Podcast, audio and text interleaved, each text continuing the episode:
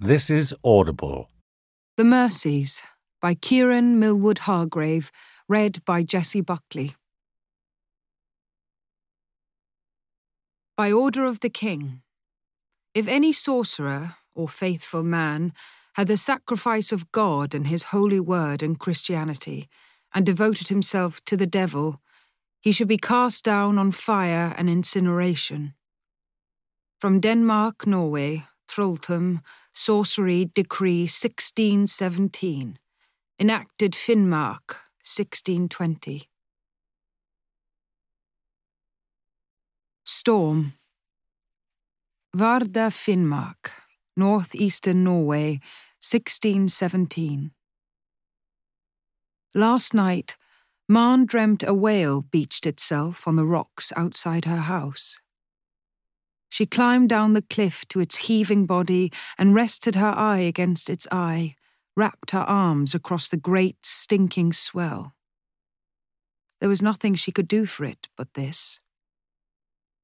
The men came scrambling down the black rock like dark, swift insects, glinting and hard bodied with blades and scythes.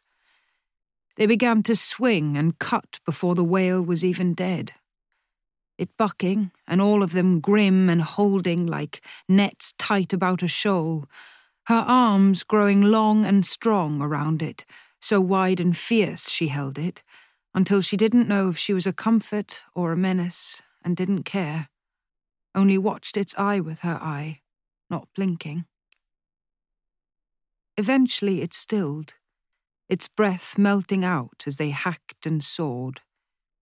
She smelled the blubber burning in the lamps before it stopped moving, long before the bright roll of its eye beneath her eye wore down to dullness.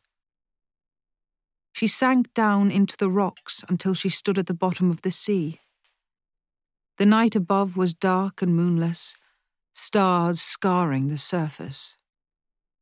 She drowned and came up from sleep gasping, smoke in her nostrils and at the dark back of her throat. The taste of burning fat caught under her tongue and would not be washed away. Chapter 1 The storm comes in like a finger snap. That's how they'll speak in the months and years after, when it stops being only an ache behind their eyes and a crushing at the base of their throats. When it finally fits into stories, even then, it doesn't tell how it actually was. There are ways words fall down. They give shape too easily, carelessly. And there was no grace, no ease to what Maren saw. That afternoon, the best sail is spread like a blanket across her lap, Mamma and Dina at its other corners. Their smaller, neater fingers are working smaller, neater stitches into the wind-wear tears, while she patches cloth over holes left by the mast fastenings. Beside the fire, there's a stack of white heather drying, cut and brought by her brother Eric from the low mountain on the mainland. Tomorrow, after, Mamma will give her three palmfuls for her pillow. She'll wrench it apart, stuff it earth and all into the casing, the honey scent almost sickening after months of only the stale smell of sleep and unwashed hair. She'll take it between her teeth and scream until her lungs wheeze with the sweet dirt tang of it. Now, something makes her look up and out towards the window. A bird, dark against dark, a sound. She stands to stretch, to watch the bay, flat grey, and beyond it the open sea, tips of waves like smashed glass glittering. The boats are loosely pegged out against it by their two small lights, bow and aft, barely flickering. She imagines she can tell Papa and Eric's apart from the others, with its second best sail rigged tight to the mast. The jerk and stop start of their rowing, their backs to the horizon where the sun skulks out of sight for a month now and for another month to come. The men will see the steady light from Vardø's curtainless houses, lost in their own sea of dim lit land. They're already out beyond the Hornøya stack, nearly at the place where the shoal was sighted earlier in the afternoon, worried into bright action by a whale. It will have passed on, Papa said. Mamma has a great terror of whales. Well eaten its fill by the time Eric manages to haul us there with those herringbone arms. Eric only bowed his head to accept Mamma's kiss and his wife Dina's press of thumb to his forehead that the Sami say will draw a thread to reel men at sea home again. He rested a hand on her belly for a moment, bringing the swell of it more obviously through her knitted tunic. She pushed his hand away, but gently. You call it early. Let it be. After, Maren will wish she rose and kissed them both on each rough cheek. She will wish she had watched them go to the water in their stitched sealskins, her father's strung out stride and Eric's shambling behind. Wish that she had felt anything at all about them going, other than gratitude for the time alone with Mamma and Dina, for the easiness of other women. Because at twenty, and with her first marriage proposal come three weeks before, she at last considered herself one of them. Dag Bjornson was making them a home from his father's second boathouse, and before winter was done, it would be finished, and they wed. Inside, he told her, panting hot, scratching breath beneath her ear, would be a fine hearth and separate food store so he wouldn't need to walk through the house with his axe like Papa did. The wicked glint, even in Papa's careful hands, brought bile to her tongue. Dag knew this and cared to know. He was blond as his mother, delicately featured in a way that Ma knew other men took to mean weakness but she didn't mind. She didn't mind that he brushed his wide mouth against her throat as he told her of the sheet she would weave for the bed he would build for them. And though she didn't feel anything at his hesitant caress at her back, too gentle and high to mean much at all through her dark blue winter dress, this house that would be hers, this hearth and bed, sent a pulse low in her belly. At night, she'd press her hands to the places she'd felt the warmth fingers cold bars across her hips and numb enough not to be hers. Not even Eric and Dina have their own house. They live in the narrow room Maren's father and brother tacked along the back edge of their outer wall. Their bed fills the width of it, is pressed flush against Maren's own through the divide. She put her arms over her head on their first nights together breathing in the musty straw of her mattress, but never heard so much as a breath. It was a wonder when Dina's belly started to show. The baby would be here just after winter left, and then there would be three in that slender bed. After, she will think, perhaps she should have watched for Dag too. But instead, she fetched the damaged sailcloth and spread it over all their knees and did not look up until the bird, or the sound, or the change in the air called her to the window to watch the light shifting across the dark sea.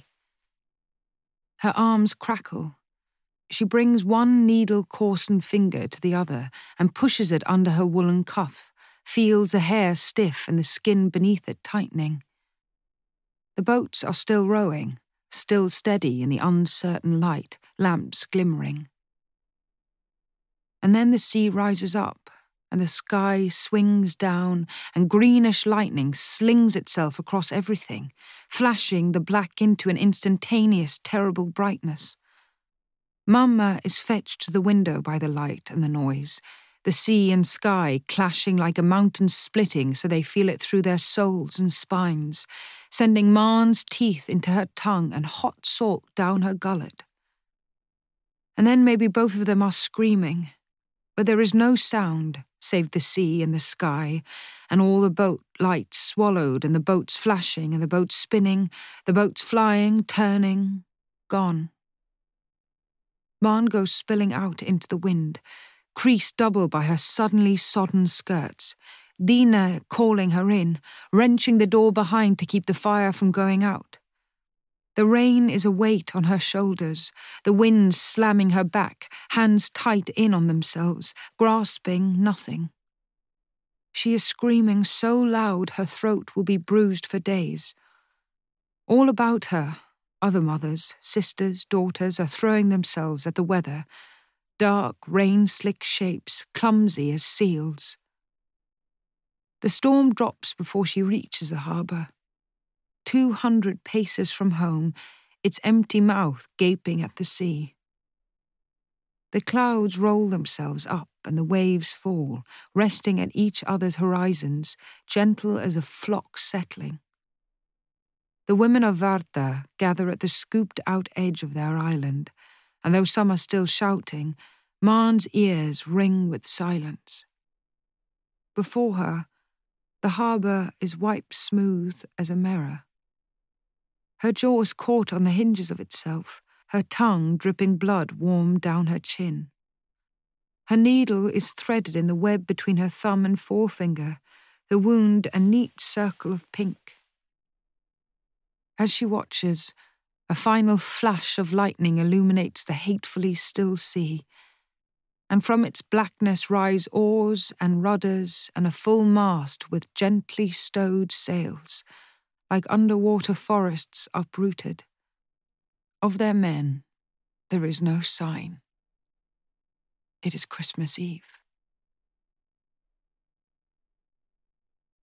Chapter 2 Overnight, the world turns white. Snow piles on snow, filling the windows and the mouths of doors.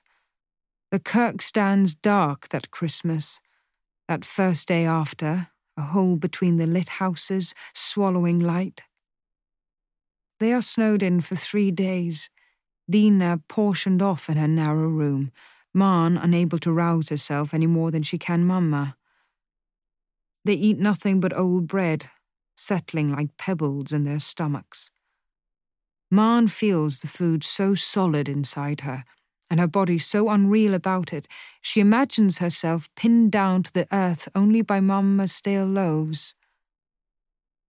If she doesn't eat, she will become smoke and gather in the eaves of their house. She keeps herself together by filling her belly until it aches, and by placing as much of herself as possible in the warmth from the fire. Everywhere it touches, she tells herself she is real. She lifts her hair to show the grubby nape of her neck, spreads her finger to let the warmth lick between them, lifts her skirt so her woolen stockings begin to singe and stink. There and there and there. Her breasts, back, and between them her heart are caught in her winter vest, bundled tight together. The second day, for the first time in years, the fire goes out. Papa always laid it, and they only tended it, keeping it banked at night and breaking its crust each morning to let the hot heart of it breathe. Within hours, there is a layer of frost on their blankets, though Maren and her mother sleep together in the same bed. They don't speak, don't undress. Maren wraps herself in Papa's old sealskin coat. It was not flensed properly and reeks a little of rotten fat. Mamma wears Eric's from when he was a boy. She is dull eyed as a smoked fish. Maren tries to make her eat, but her mother only curls into her side on the bed, sighs like a child. Maren is grateful for the blankness at the window that means the sea is hidden from sight. Those three days are a pit she falls into. She watches Papa's axe wink in the dark. Her tongue grows thick and mossy, the tender place where she bit it during the storm spongy and swollen, with something hard at its centre. She worries at it, and the blood makes her thirstier. She dreams of Papa and Eric, wakes dank and sweating, hands freezing. She dreams of Dag, and when he opens his mouth, it is full of nails meant for their bed. She wonders if they will die there, whether Dina is already dead, her baby still paddling inside her, slowing. She wonders if God will come to them and tell them to live. They are both of them reeking when Kirsten Sørensdatter digs them out of their third night, Kirsten helps them restack and light the fire at last. When she clears the path to Dina's door, Dina looks almost furious, the dull gleam of her pouted lip catching in the torchlight, hands pressed hard either side of her swollen belly. Kirke, says Kirsten to them all. It is the Sabbath. Even Dina, who doesn't believe in their God, does not argue. It isn't until they're all gathered in the Kirke that Maren understands nearly all their men are dead. Toril Knutsdatter lights the candles, every one, until the room blazes so bright it stings Maren's eyes. She counts silently. There were once fifty three men, now they have but thirteen left. Two babes in arms, three elders, and the rest boys too small for the boats. Even the minister is lost. The women sit in their usual pews, hollows left between where husbands and sons sat, but Kirsten orders them forwards. All but Dina obey, dumb as a herd. They take up three of the Kirke's seven rows. There have been wrecks before, says Kirsten. We have survived when men are lost. But never so many, says Gerda Fulnsdatter and never my husband among them. Never yours, Kirsten, or Siegfried's, never Toril's son, all of them. She grips at her throat, falls silent. We should pray or sing, suggests Siegfried Jonsdatter, and the others look at her poisonously. They have been trapped apart for three days, and all they wish to talk of, all they can speak of, is the storm. The women of Vardø are looking, all of them, for signs. The storm was one. The bodies, still to come, will be seen as another. But now Gerda speaks of the single tern she saw wheeling above the whale. In figures of eight, she says, her ruddy hands arching through the air. One, two, three, six times I counted. Eight by six means not much at all, said Kirsten dismissively. She is standing beside Pastor Gershon's pulpit with its engraved stand. Her large hand rests upon it, the broad thumb working over the carved shapes, her only sign of nerves or grief.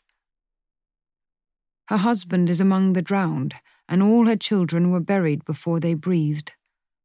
Maren likes her, has often gone about her tasks with her, but now she sees Kirsten as the others always have, as a woman apart. She's not standing behind the pulpit, but she may as well be. She watches them with a minister's consideration. The whale, though, says Edna Gunstatter, face swollen so tight by tears it looks bruised. It swam upside down. I saw its white belly shining under the waves. It was feeding, says Kirsten. It was luring the men, says Edna. It set the shoal about Hornøya uh, six times to be sure we'd see. I saw that, nods Gerda, crossing herself. I saw that too. You did not, says Kirsten. I saw the blood Mattis coughed upon the table a week ago, says Gerda. It has never scrubbed off. I can sand that out for you, says Kirsten smoothly. The whale was wrong, says Toril. Her daughter is burrowed against her side so tight she might have been sewed to her hip by Toril's famous neat stitches. If what Edna says is true, it was sent. Sent, says Siegfried and Maren sees Kirsten turn a thankful eye upon her, thinking she has found an ally. Such a thing is possible? A sigh comes from the back of the kirke, and the whole room turns towards Dina, but she tilts her head back, eyes closed, the brown skin of her throat gleaming gold in the candlelight. The devil works darkly, says Toril, and her daughter presses her face beneath her shoulder, cries out in fear. Maren wonders what terrors Toril has woven into her two surviving children these past three days. He has power set above all but gods. He could send such a thing, or it could be called. Enough! Kirsten breaks the silence before it can deepen. This will help nothing. Maren wants to join her in her certainty, but all she can think of is the shape, the sound that brought her to the window. She had thought it was a bird, but now it looms bigger and more unwieldy, five finned and upside down, unnatural. It is impossible to stop it leaking into the corner of her vision, even in the blessed light of the kirke. Mamma stirs, as if from sleep, though the candles have been reflecting off her unblinking eyes since they sat down. When she speaks, Maren can hear the toll silence has taken on her voice. The night Eric was born, says Mamma, there was a red point of light in the sky. I remember, says Kirsten softly. And me, says Toril. And me, thinks Maren, though she was only two. I followed it through the sky until it dropped in the sea, says Mamma, lips barely moving. It lit the whole water with blood. He was marked. It was meant from that day. She moans and covers her face.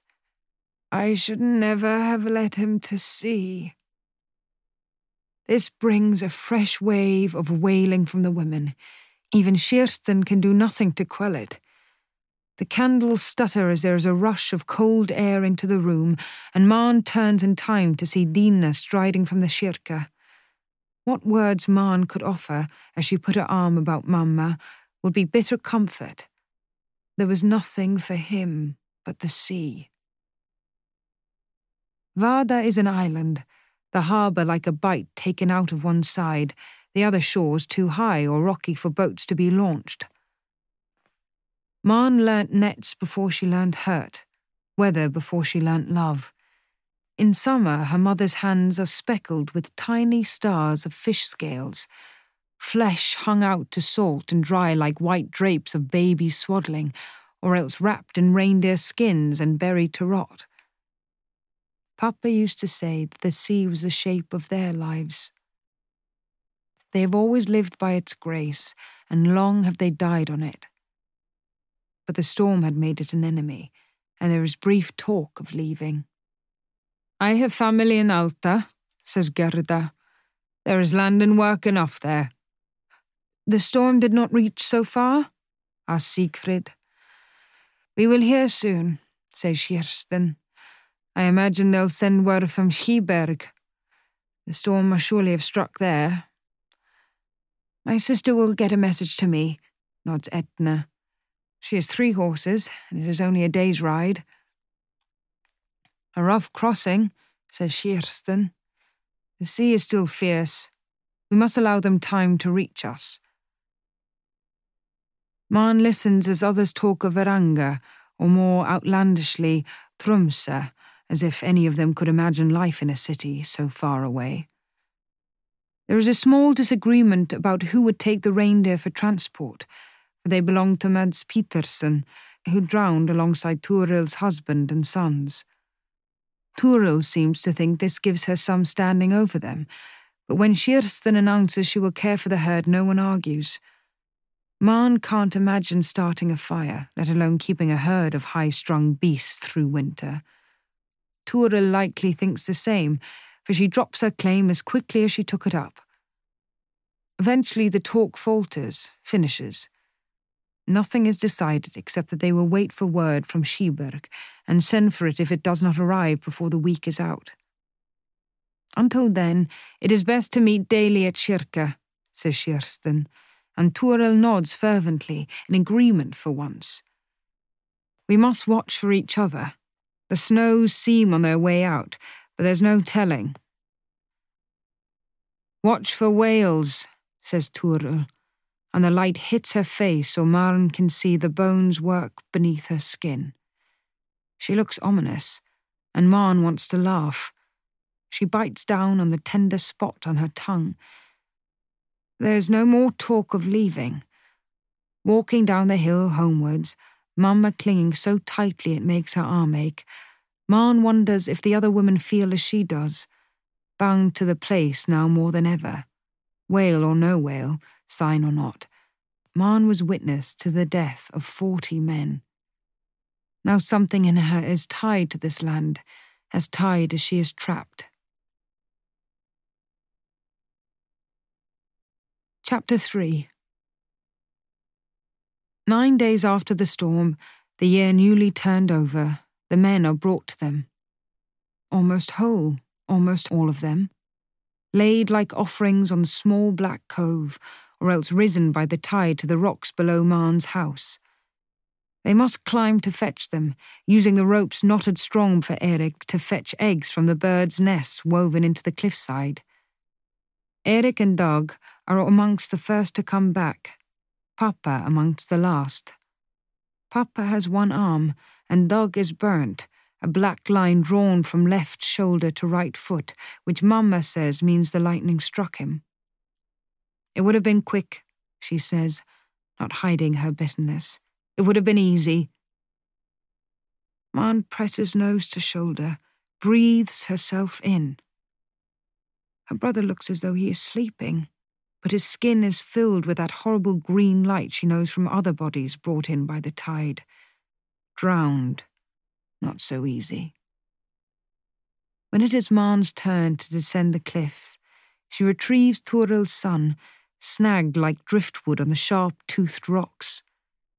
He is Eric's age, and his body slips about in its bones like jointed meat in a sack. Maren smooths his dark hair away from his face, picks a whisper of seaweed from his collarbone. She and Edna must tie him by the waist and ribs and knees to keep him together as he is drawn up to his mother. Maren is glad she can't see Toril's face when she's brought her boy. Though she is not fond of the woman, Toril's keens prick at Maren's chest like tiny needles. The ground is too hard for burial, and so it is agreed that they will keep the dead in Dag's father's first boathouse, the cold keeping them frozen as earth. It will be months before they can break the surface to bury their men. We can use the sail as a shroud, says Mamma, after Eric is taken to the boat shed. She eyes the mended sail where it lies in the centre of the floor, as if Eric is already beneath it. It is exactly where they had dropped it nearly two weeks before. Maren and Mamma have been dancing around it, neither wanting to touch it, but now Dina snatches it up and shakes her head. A waste, she says, and Maren is glad. She can't stand the thought of sending her father and brother into the ground with anything more of the sea upon them. Dina folds the sail with deft movements, resting it upon her belly, and in her decisiveness, Maren sees some of the girl who married her brother, laughing a summer ago. But Dina disappears the day after Dag and Eric are brought back. Mamma is frantic that she is left to bring up the child with her Sami family. She says some awful things, things that Ma knows she doesn't mean. She called Dina a Lapp, a whore, a savage, things Toril or Siegfried might say. I always knew it, Mamma weeps. I should never have let him marry a Lapp. They are not loyal, not made like us. Maren can only bite her tongue and rub her back. It is true Dina's childhood was spent travelling, living beneath changing stars even in winter. Her father is a Noaidi, a shaman of good standing. Before the Kirke was more fully established, their neighbour Borer Rungvelson and many other men went to him for charms against rough weather. That had stopped lately, with new laws brought in to ban such things. But still, Maren sees the small bone figures that the Sami say will protect against bad luck on most doorsteps. Pastor Gerson always turned a blind eye, though Toril and her ilk urged him to come down harder on such practices. Ma knows that it was only Dina's love for Eric that made her agree to live in Vardø, but she doesn't think that Dina would leave like this, not when they have already lost so many, not with Eric's baby inside her. She would not be so cruel as to take the last part of him away from them. Within the week, they receive word from Kiberg. Edna's brother in law comes with news that besides numerous boats moored in the harbour, they lost only three men. When the women gather in the Kirke to hear the message, it stokes their unease. Why do they not fish? said Sigfrid. Did Kiberg not see the shoal? Edna shakes her head. The whale neither. So it was sent for us, whispers Toril, and her fear spreads across the pews in muttering waves.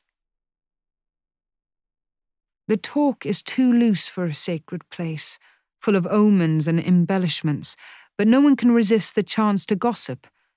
Their words are like links they can hang fact upon, tightening with each telling. Many of them see past caring what is true or not, only desperate for some reason, some order to the rearrangement of their lives, even if it is brought about by a lie. That the whale swam upside down is now beyond question, and though Maren tries to shore herself against the creeping terror their talk brings, she can't hold steady like Kirsten. The woman has moved into Mads Petersson's house the better to care for the reindeer.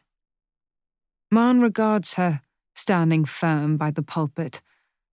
They have barely spoken since Kirsten dug them from the snow, except to exchange words of sorrow when their men were pulled rotting from the sea. Maren thinks to speak with her as the Kirke meet comes to an end, but Kirsten is already out of the door, striding to her new homestead, bent against the wind. Dina is back the day they find Papa. The first Maren hears of her return, there is shouting at the boathouse, and she runs, imagining all sorts of things. Another storm, though she can see for herself the sunless sky is calm, or a man found yet living. There is a cluster of women about the door. Sigfrid and Toril at the fore, their faces twisted in anger. Before them stands Dina with another Sami, a short, square man who watches the women coolly. It is not Dina's father, but he has a shaman drum at his hip. Between them they hold a furled length of silvery cloth. As Maren comes closer, dizzy with the effort of running, she sees it is birch bark. What's the matter? she asks Dina, and Toril answers. She wants to bury them in that. The woman's voice is close to hysteria. Spit flecks her chin. Like they do. Makes no sense to use cloth, not for so many, says Dina. This is, and I will not have that, not near my boys. Toril is panting worse than Maren, looking at the drum as though it were a weapon. Sigfrid Jonsdatter nods her approval as Toril plunges on. Nor my husband. He's a God fearing man, and I'll not have you near him. I don't remember you minding my help when you wanted another baby got upon you, says Dina. Toril puts her hand across her belly, though her babies are long born. I did no such thing. I know as well as any that you did, Toril, says Maren, unable to keep silent at the lie. And you, Sigfrid, many of you came to her, or her father, Toril narrows her eyes. I would never go to a Lapp sorcerer. There is a collective hiss. Maren steps forward, but Dina puts her arm out. I should put a hole in your tongue, Toril. Perhaps it would let some of the poison out. It is Toril's turn to shrink. And it's not sorcery, and it's not for them. Dina turns to Maren. She's beautiful in the bluish light, the planes of her face strong, her eyes thickly lashed. It's for Erik. And my father. Maren's voice breaks.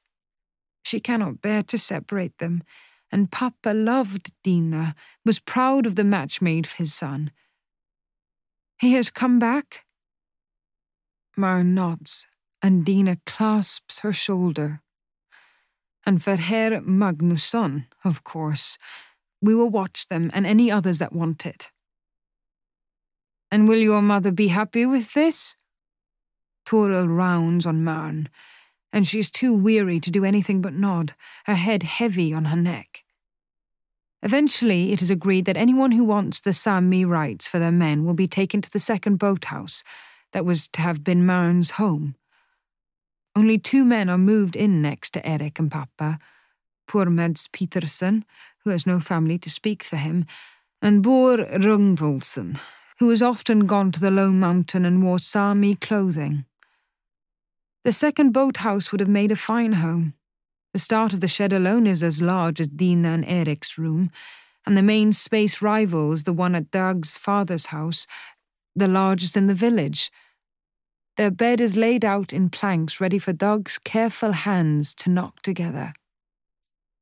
They take the wood for their fire and lay her father and Erik on the bare ground. Maren has to leave Dag behind in the first boathouse.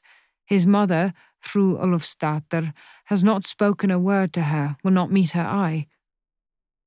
Maren snaps a lock of frozen hair from Erik's dark head, places it carefully into her pocket. As she leaves Dina and the other Noaidi behind in the silent room, Maren loops around to the first boathouse. She sees one of the women has nailed a cross over the door, and it feels less like a blessing on those within than a warding off of those without. When she reaches home, Mamma is asleep, her arm flung across her eyes as though she is cowering from a nightmare. Mamma? Maren wants to tell her about the Noaidi and the second boathouse. Dina is back. There is no response. Mamma seems barely to breathe, and Maren resists the urge to place her cheek over her mouth to check for life. Instead, she retrieves the lock from her pocket, holds it before the fire. It frills into Erik's fine curls. She makes a slice in her pillow, places it inside with a heather. Every day after Kirke, Maren returns to the second boathouse, as she can't bring herself to sleep there like Dina and the man with the drum. He does not speak Norwegian and will not give an easy version of his name, so Maren calls him Var, vigilant, because it sounds a little like the beginning of what he says he is called before she loses the rest on her unskilled tongue. Each time she visits her father and Erik, she waits outside, listening to Var and Dina speak together in their language. They always fall silent the moment she puts her hand on the door and Maren feels as though she's walked in on something indecent or else intensely private. That she's broken something, clumsy just by being there. Maren speaks Norwegian to Dina, and Dina translates to Var. Her sentences always shorter, as though they have the better and more exacting words for what Maren is trying to say. What must it be like to have two languages in your head, in your mouth? having to keep one tucked like a dark secret at the back of your throat. Dina has always lived between Vardø and elsewhere, around now and again since Maren was a girl, trailing alongside her silent father who came to fix nets or weave charms. We'll live here, Dina told Maren once, when Maren was still a little afraid of her, a girl in trousers and a coat edged with bear fur that she'd skinned and stitched herself. This is your land? No. The girl's tone was firm as her gaze. We only lived here. Sometimes Maren can hear the drum beaten, steady as a heartbeat, and she sleeps easier those nights, though there is much muttering from the strictest Kirke goers about it. Dina tells her the drum will clear the way for the spirits to break cleanly from the bodies and not be afraid. But Var never plays her when Maren is about. It is broad as a trough, skin stretched taut over a shallow bowl of pale wood. Small markings punctuate the surface, a reindeer with a sun and moon caught in its antlers, men and women linked like paper chains at the hands in the centre, and a twist of hideous, almost men, almost beasts writhe across the bottom. Is that hell? she asked Dina. And that heaven, and us in the middle? Dina doesn't translate to Var.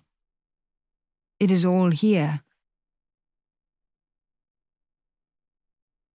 Chapter 4 As winter loosens its grip on Vardø and their food stores stand near empty, the sun heaves itself closer to the horizon. By the time Dina and Erik's baby is born, they will have days flooded with light. Maren feels an uneasy rhythm take hold of Vardø, her time finding shape. Kirke, boathouse, housework, sleep. Though the lines are beginning to be drawn more starkly between Kirsten and Toril, Dina and the others, they pull together as men rowing a boat. It is a closeness born of necessity. They need each other more than ever, especially as food begins to scarcen. They receive some grain from Alta, scant turfisk from Kiberg.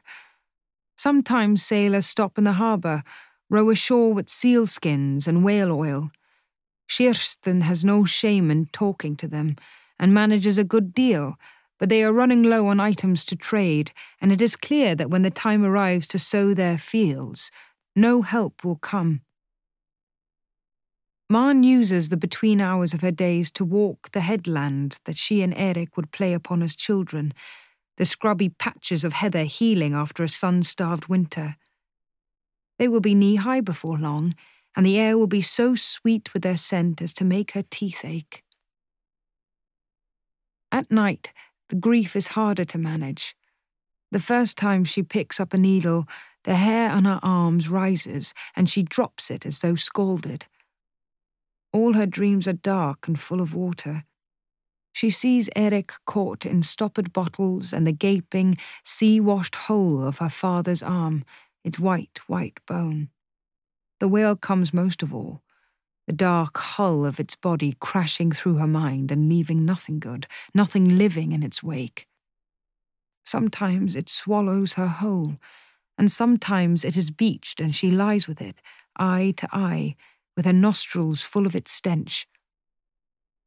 Maren knows Mamma has nightmares too, but she doubts her mother wakes with salt on her tongue, the sea mottling her breath.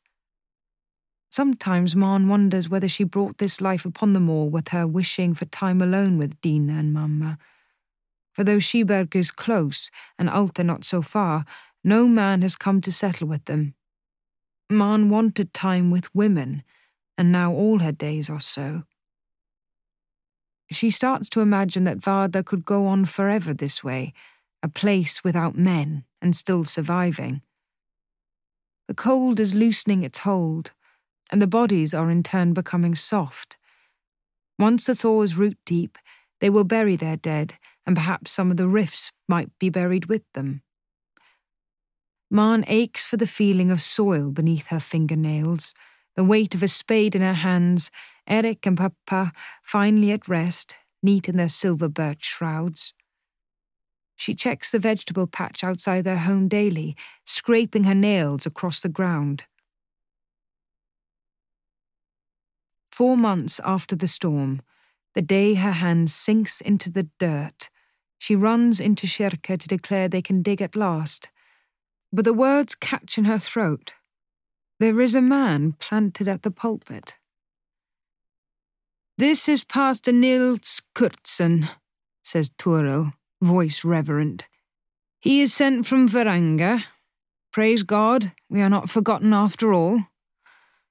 The minister turns pale eyes upon Maren. He is built slight as a boy. Ousted from her usual spot, Kirsten slides in beside Mamma and Maren, leans close to whisper in Maren's ear. I hope his sermons are not so weak as his chin. But they are, and Marn thinks he must have done something awful to be posted at Vardø. Pastor Kurtzen is reedy, obviously unused to life by the sea.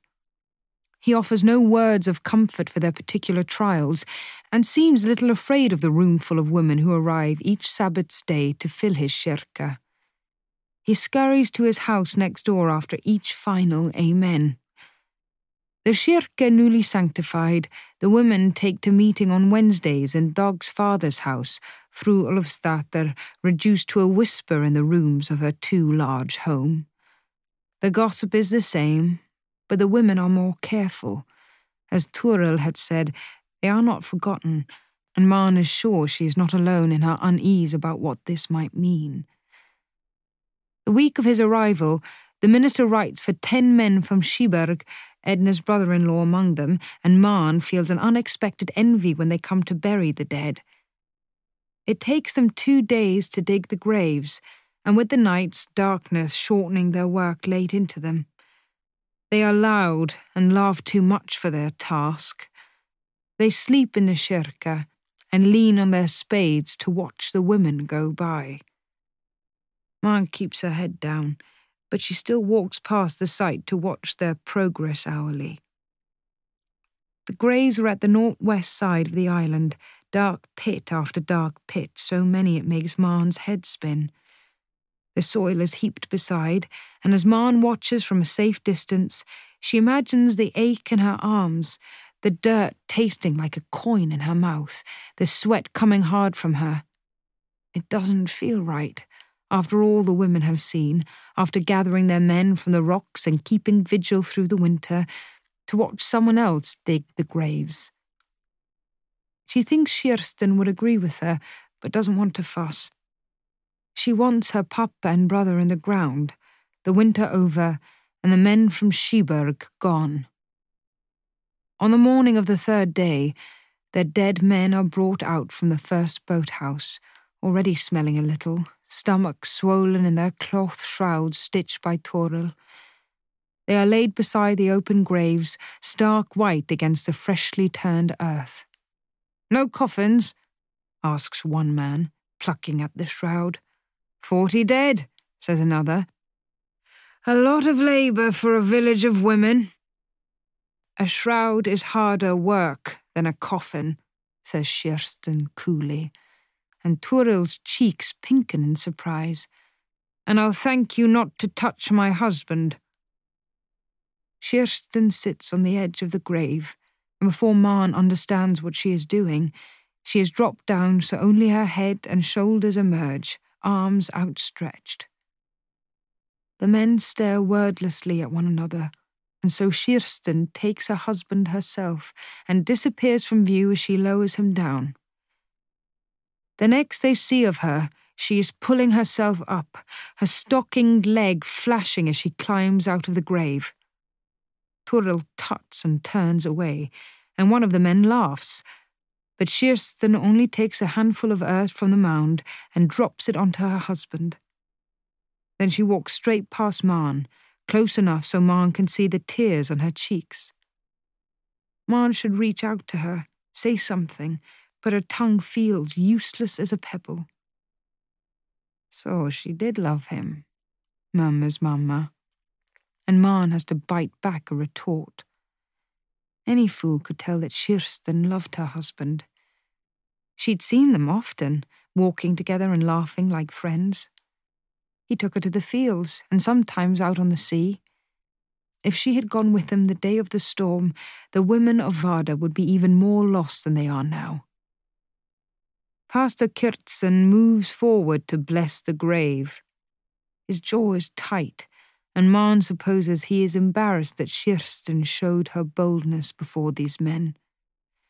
May the mercies of God be upon you, he intones in his wavering voice, saying nothing much of the man he never knew. Kirsten should not have done that. Dina appears beside Maren, watching the minister. Her hand rests on her belly. The baby will come any day, and sorrow grips at Maren's throat. Her brother pressed beneath the dearth before his child even breathes. She has a sudden urge to reach out and touch Dina, to feel the warmth of her stomach and the baby inside, but not even the Dina of before would have tolerated it. This new Dina is hard as stone, and Maren doesn't dare ask. No other woman has a hand in the burial of their kin. The men work methodically, two passing a body down to two in the grave. The family step forward to sprinkle dirt. Pastor cuts and blesses the grave. It is filled. No one wails or falls to their knees. The women are tired, numb, done. Toril prays incessantly, the words rising and falling on the wind. The cycle repeats until it is time for the second boathouse to be emptied, and Pastor Kurtzen raises a pale eyebrow at the silver birch shrouds. Mamma plucks at Papa's, looks from the minister to Maren. Perhaps we should ask Toril. I have no cloth left, says Toril. I have a sail, no thread neither, says Toril, and she turns her back on them, walking home, pulling her son and daughter after. Sigfrid follows, and Gerda. Maren is sure that she, Dina, and Mamma will be left alone to bury their dead, but the other women stay to watch as Mads, then Papa, then Erik, and at last Baar are lowered, covered over. That night, when the men from Kiberg have left, Maren walks to the graves with Erik's lock of hair in her pocket, thinking to bury it with him. She has decided it is a macabre keepsake, that perhaps it is this poisoning her dreams, letting the sea seep in. The nights are no longer winter dark, and in the gloom the graves appear to her like a pod of whales on the horizon, humpbacked and menacing. She finds she cannot approach them. She knows what they are hallowed ground, blessed by a man of God, holding naught but the remains of their men. But here, with the wind whistling through the open channels of their island, and the lit houses at her back, walking towards them seems as ill fated as stepping from a cliff. She imagines them crashing up, thrashing down, and the world seems to rock beneath her feet. In her confusion, she loosens her grip on the lock of Erik's hair. The wind plucks it from her slack fingers and spins it away. Later that night, the noise of the door wakes Maren. Mamma is curled on the blankets like a snail in its shell, breathing rank air into her face. She has insisted they still share the bed, though Maren sleeps the worse for it. Maren sits up, body singing with nerves as the door closes. She can't see anyone, only sense them there. There is a grunting sound, a fast series of almost animal breaths.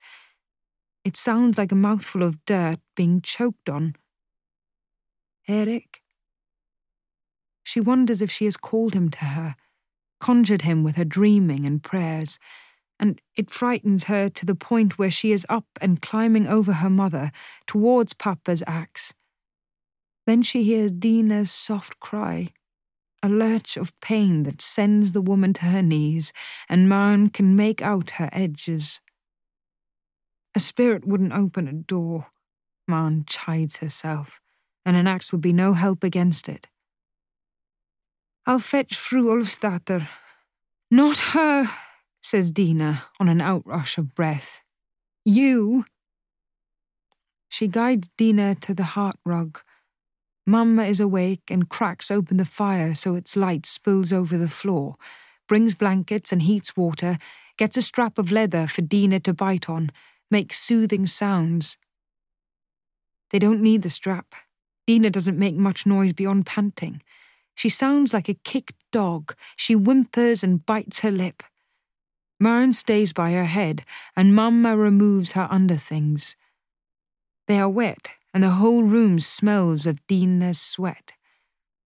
She is pouring with it, and Maren wipes a cloth across her forehead, tries not to stare at the dark mound between Dina's legs, her mother's hands slick and working.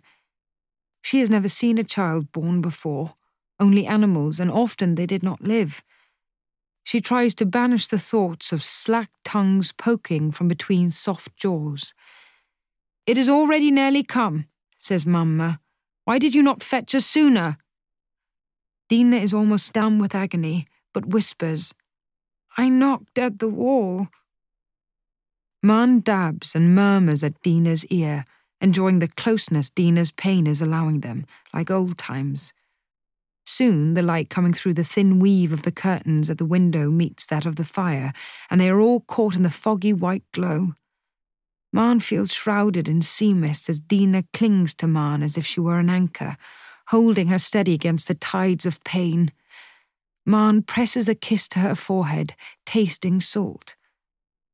When it is finally time to push, Dina flaps like a landed fish, bucking her body against the floor. Hold her, says Mamma, and Maren tries though she has never been stronger than Dina and cannot hope to be now. She sits behind so Dina can lean against her and whispers into her neck. Maren's own tears come to meet Dina's as she gives another twist, and, at last, a scream as an answering wail comes from between her legs. A boy! Mamma's voice is bright with joy and the sharp edge of pain. A boy! Just as I prayed for. Dina falls back, and Maren guides her to the floor. Maren holds her, kisses her cheeks, listening to the baby cry, the clatter of metal as her mother takes up a blade to cut the cord, then wipes blood from him with a rag. Dina clings to her, crying harder, their bodies shaking, damp, exhausted, until Mamma nudges Maren off with her elbow and puts the baby to Dina's chest. He's tiny, crumpled, creamy with afterbirth. His lashes are dark against his white cheek. Maren is minded of a baby bird she found struck from its nest in the moss roof, so thinly skinned she could see the workings of its eye under the closed lid, the heartbeat quaking its entire frame. As soon as she touched it, thinking to put it back in the nest, it stopped moving. His cries heave his tiny shoulders. His small mouth works. Dina pulls down her nightgown, places her dark nipple into his mouth. There is scar tissue laced across one collarbone, a burn that Maren remembers came from a pan full of boiled water, though she can't recall who threw it. She wants to kiss there too, to smooth it. Mamma finishes cleaning Dina.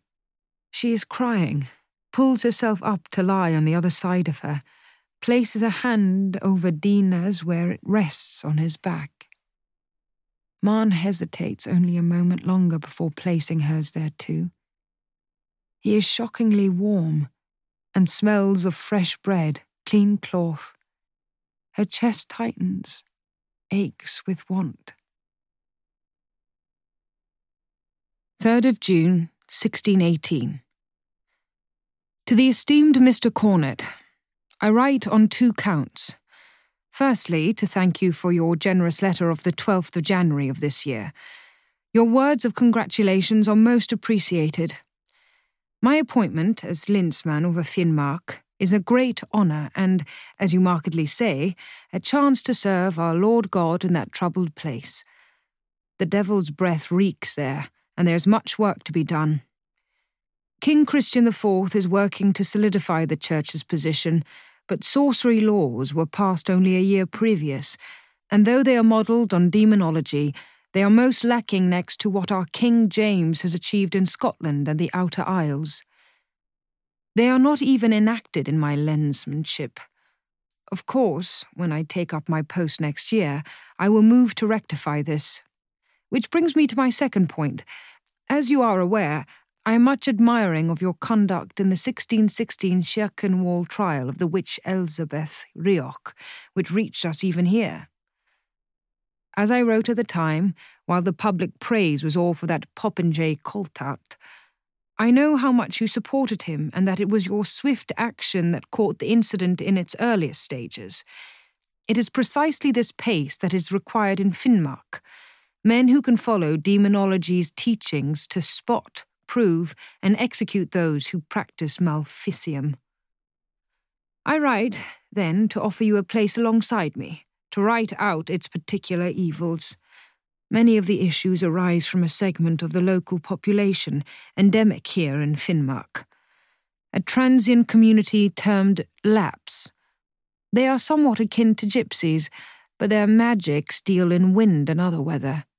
As mentioned, legislation against their sorcery is established, but weakly enforced. You being an Orkney man, I do not need to tell you of the peculiarities of weather or season that come with a place like this, but I will warn you the situation is grave. Since the storm of 1617, you remember it made even the Edinburgh papers. I myself was at sea and was felt as far as Spitsbergen, Tromsø. Womenfolk have been left to themselves. The barbarian Lapp population mixes freely with the whites. Their magics are no small part of what we must move against. Their weather sorcery is even sought out by sailors. But I believe that with you, and a small number of other capable, God fearing men, we can beat back the darkness even in the ever dark of winter. Even here, at the edge of civilization, souls must be saved. You would, of course, be remunerated for your efforts. I have it in mind to set you up in a sizable dwelling in Vardø, close to the castle where I will have the seat of my power. Five years here, and I would write you a letter of recommendation fit for whatever endeavour you would wish to undertake. Perhaps keep this offer close to you. I have no doubt Coltart would sniff it out, but he's not the sort of man I am in need of. Think on it, Mr. Cornet. I will await word of your response. John Cunningham, Hans Køning, Lensmann of Vardøhus County. Chapter 5 By the time her nephew is born, Maren's own body is becoming something she carries effortfully, with pity and something like disgust. It is hungry, disobedient. When she stands, it is as if there are bubbles between all her bones, and they pop in her ears. Grief cannot feed you, though it fills you. They have been ignoring that but when Kirsten Sorensdatter asks for permission to speak at Kirke, a clear six months after the storm, Maren sees it finally in the loose skin about the woman's jaw, and in the tributaries of Mamma's veins standing proud from her arms. Perhaps the others do too, because they straighten from the slump of their sermon listening, watch her carefully. It will not change with more waiting, Kirsten begins as though picking up a conversation. Her brow was pulled down over her small blue eyes. Our neighbours have been kind, but we all know kindness has its time. We must start carrying ourselves. She straightens. Something clicks. The ice is gone. We have the midnight sun, and there are four boats fit for sea. It is time to fish. We need twenty women, perhaps sixteen. I am one. She looks about her. Maren expects some of the others, Sigfrid or Toril, or perhaps even the minister, to say something, to raise an objection. But he is thinner too, and he had precious little weight to lose. It is sense, what Kirsten says, however briefly she chooses to say it. Maren's hand goes up with ten others. As she lifts it, she has the same lurching sensation that comes with leaning into the wind and feeling it lessen just as you find your balance. Mamma eyes her and says nothing. No others? This is crew enough for only two boats, says Kirsten. Eyes drop and the women shift in the pews. They thought it was decided. But though the minister raises no objection in the Kirke, Toril arrives the next Wednesday meet with the news that Pastor Kurtsson found his voice and has written a letter. How clever, says Kirsten not looking up from her work. She's making a pair of sealskin gloves for helping grip the oars, Maren guesses. To the man who is soon to take over Vardøhus, says Toril, and even Kirsten stills and looks up. The fortress? Here, says Sigfrid, her eyes shining at the gossip. You're sure? You know of another? snaps Toril. But Maren can understand the question. The fortress has stood empty for her entire lifetime. Beside Maren, Dina and Mamma have stopped working too. The three women are salvaging an old net, Dina resting it upon her lap beneath baby Erik in his cloth sling. She brings her head down so close she looks like a mother bird feeding her young. It is impossible to forget the last time the three of them worked on mending together, and the needle feels spiteful. Maren places her hand on the fine thread so as not to lose her place. Dag's mother, Fru Olafsdatter, has set out benches along the edges of her cookroom, and they sit around them as though they are ranged about the lip of a square boat. The firelight sets the floor unsteady. We will have a lensmann there, Hans Kunning. He is under direct orders from King Christian and will be making great changes, Pastor Kurtsson says, with new strictures on Kirke going. Toril looks directly at Dina. And he is looking to settle the Lapps and bring them to God. Dina shifts beside Maren, but holds Toril's gaze. He will not manage it with men like Niels Kurtsson, says Kirsten. That man couldn't bring a beast to pasture. Dina snorts and goes back to her sewing. Pastor Kurtsson has told me his next sermon will be to stay you, says Toril, narrowing her eyes at the top of Dina's head. The lensmann will not think fishing proper. He isn't our lensmann yet, and propriety doesn't feed us, says Kirsten. Only fish can do that. I'll not be minding what a Scotsman thinks of it. He's a Scotsman? Sigfrid's eyebrows rise. Well, why not a Norwegian or, or a Dane? He was in the Danish fleet for many years, says Kirsten, eyes on her needlework. Cleared the pirates of Spitsbergen. The king himself picked and placed him at Vardøhus. How do you know this? says Toril. Kirsten doesn't look up. You aren't the only one with ears, Toril. I speak with the sailors who come to our harbour. I see you do, says Toril. It is most indecent. Kirsten ignores her. And whatever Pastor Kurtsson decides to mumble at us this Sabbath's day, I shall not be able to hear him over the grumble of my stomach. Maren stifles a laugh. If it had been anyone but Kirsten who had put forward the idea of taking the boats, they should not have entertained it. But she has always been a certain woman, stubborn and strong, and on Sabbath's day, Pastor Kurtsson, mouthful of lukewarm warnings, do nothing to stop them. He has had no reply from Lensmann, and so Kirsten insists they go ahead. Instead of the Wednesday meet, eight of them gather at the harbour's edge. They have lost a few of their volunteers following news of the letter to the Lensmann, and will only take one boat after all. The women are dressed in their dead men's sealskins and caps, hands unwieldy in thick gloves, oars standing higher than their heads as they regard the jumble of mended nets, unintelligible as the tangle of hair Maren pulls daily from Mamma's fish spine comb. Well then, Kirsten claps her broad hands together. We need two between us. Maren, help me. Though her hands are large, they are more skilled than Maren's whose fingers chafe and catch on the thin weave of the nets. It is a good day, the sky light but clouded, free of the biting cold they have spent so many months living with pressed against their bones. They spread two nets out on the harbour side, and the others have to weight them with slick back stones. Then, taking one at a time, Kirsten shows them how to work them into a fold that can be opened easily. How do you know this? says Edna, my husband taught me. Why? says Edna, shock apparent in her thin voice. Just as well he did, snapped Kirsten. Now the next. They are watched on all sides from windows and most keenly from the doorway of the Kirke. Pastor Kurtsson's slight frame is backed by the brightness of candles and the wooden cross glowering behind. They are being judged unfavourably at that. Finally, they load the boat with the nets and themselves.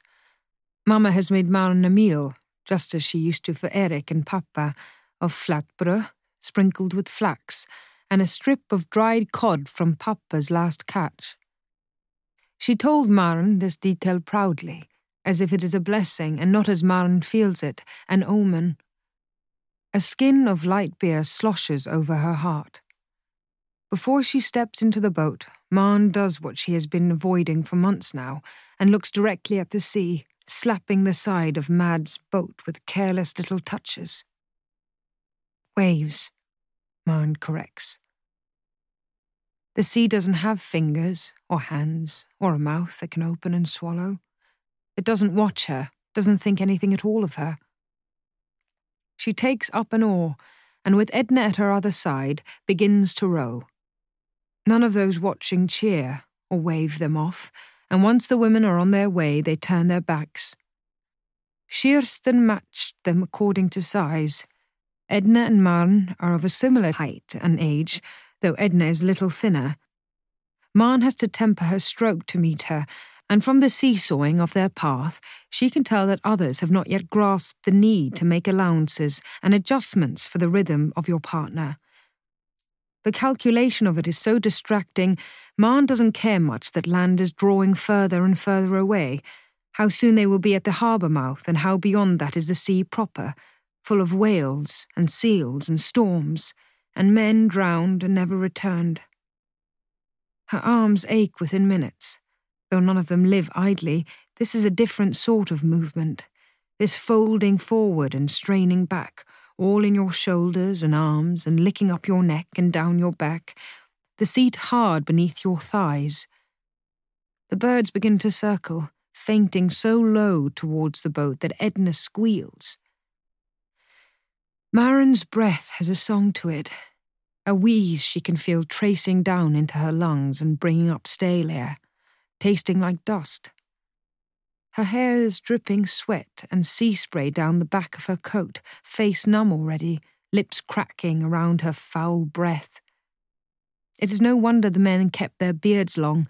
With her bare face, she feels as unsuited to the sea as a newborn. They reach the harbour mouth and suddenly are at an open ocean.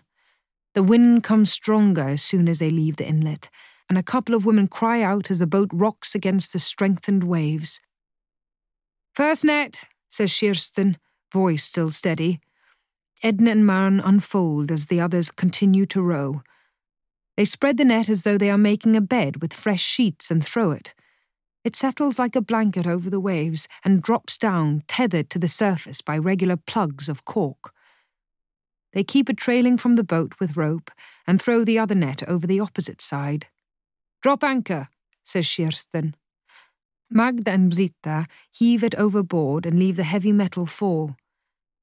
The men would cast off entirely and go further out to set more, but they are loath to travel beyond the jut of Hornøya Island. The ache in Maren's arms has pooled into heaviness, and she is working hard not to look at the stack crouching barely a hundred feet away. With the boat secured and nets down, Something close to joy spreads through them. Magda laughs at the swooping birds, and this brings an echo to Maren's own mouth. They fall silent almost as fast, but something has lifted. They slouch back into the curves of the boat and share their meals between them. The clouds sweep aside, and though she can't feel its warmth, the sun is starting to redden Maren's nose. She feels tired and happy and does not think of the whale at all. After an hour or so, a shadow crosses the sun, clouds turning swift and the sea swelling once again. An awful quiet passes through, but there's nothing to do but wait. Spitzbergen, where Kirsten says the Lensmann fought back pirates, sits beyond a horizon sparkling with ice. It could be that they can see to the end of the world here. Nets, says Kirsten. Come on. Maren knows it is good the moment they start pulling. The net is heavy and strains their sore arms, but as the first shift and flip of fish begin to break the green chop of the water, they are shrieking joy through ragged throats, pulling harder and faster. They soon spill a half net into the bottom of the boat. Aside from the scree another whitefish fit for tørrfisk, there are herring neat and silver as needles, and salmon that thrash until Kirsten picks them up, one by one, and smashes their head over the side of the boat. Edna shrinks back, but Maren cheers with the others. The other net is nearly as full. A single redfish thrashes bewildered amongst cod. Maren lifts it almost tenderly and takes firm grasp of its tail. The snap of its head against the boat sends a thrill through her aching belly. Well done, says Kirsten, a hand on her shoulder. And for a moment, Maren thinks that she might blood her cheeks like a man after a hunt. There is light enough for another cast off, but they don't want to stretch their luck. They turn for home, and now they are facing the open water, broken only by Hornøya Island and its stack of heaped rocks. Edna whispers a prayer beneath her breath, and Maren closes her eyes, breathing the air in deep, feeling the drag of her oar. The row home feels fast, all of them finding each other's pace more easily, like a well worn tune. There is no one waiting as they draw in. Kirsten jumps ashore to tether them, and Maren watches the dark water and thinks that maybe the whale was shadowing them all along and will now rise to break the boat across its back. But soon she is being helped onto the harbour edge, the ground unsteady beneath her. Land has been made strange from even their half day at sea. Maren wonders how sailors can stand to come ashore at all. The other women start to gather when they bring the catch to the troughs, Toril at their head. There is a subdued cheer as the nets are emptied, and Maren can barely believe how many fish there are. God provides, says Toril, though the ache in Maren's arms tells her it was not God, but they who brought this catch home. Mamma comes to the harbour like an invalid, leaning on Dina, and Maren can see baby Erik's hat over her shoulder. Dina's lips are pursed. She doesn't like being left alone with Mamma. Recently, Mamma has become absent minded. She gets in the way and does household tasks wrong, darns already mended stockings, leaves the lids off jars so they spoil. Dina would rather be on the boat than at home with her child than Mamma, Maren is sure. Maren helps sort the fish, and atop the regular meting out of their portion, Kirsten gives Maren the red fish she killed. She thinks to tell Mamma what she did, but Mamma shrinks away from it and from Maren. She says, You have blood on your cheek, then turns and follows Dina, laden with their share of the catch, back to the house, leaving Maren to seek out the smudge herself. When Maren reaches home, she lets Dina help prepare all but the red fish. She scrapes it clean of scales herself, draws a line from its mashed head to its narrow tail, and brings out the guts. She settles them beside the board and doesn't let Dina throw them away. They are blue and red and translucent. She throws them instead on the fire, watches them sizzle and dissolve. Maren uses Papa's walrus tusk tweezers to lift out the finest bones of the fish, and when she is done, she cooks it straight away, though it would have been best smoked. She wants to eat it now, at its freshest, while she can still remember what it felt like to have it living between her palms. Mamma watches her from bed with something like disapproval knotting her brow. She will not eat the fish, will not eat at all that night she doesn't ask Maren what it was like on the boat, or tell her that she is proud. She turns her back in bed and feigns sleep. Maren dreams, as always, of the whale. There is salt in her mouth, and her arms strain with effort. But the whale is swimming, not beached, and though it is black and has five fins, she isn't afraid. She reaches out to it and it is warm as blood. Chapter 6 The next months are at once sharp and shapeless. There is no more talk of whether they should go to sea. They do, every week. More women join them, and soon they have three boats going regularly, even as the year switches on its heel and darkness begins to gather at the corners of the sky, like shadows at the rafters of a mighty house.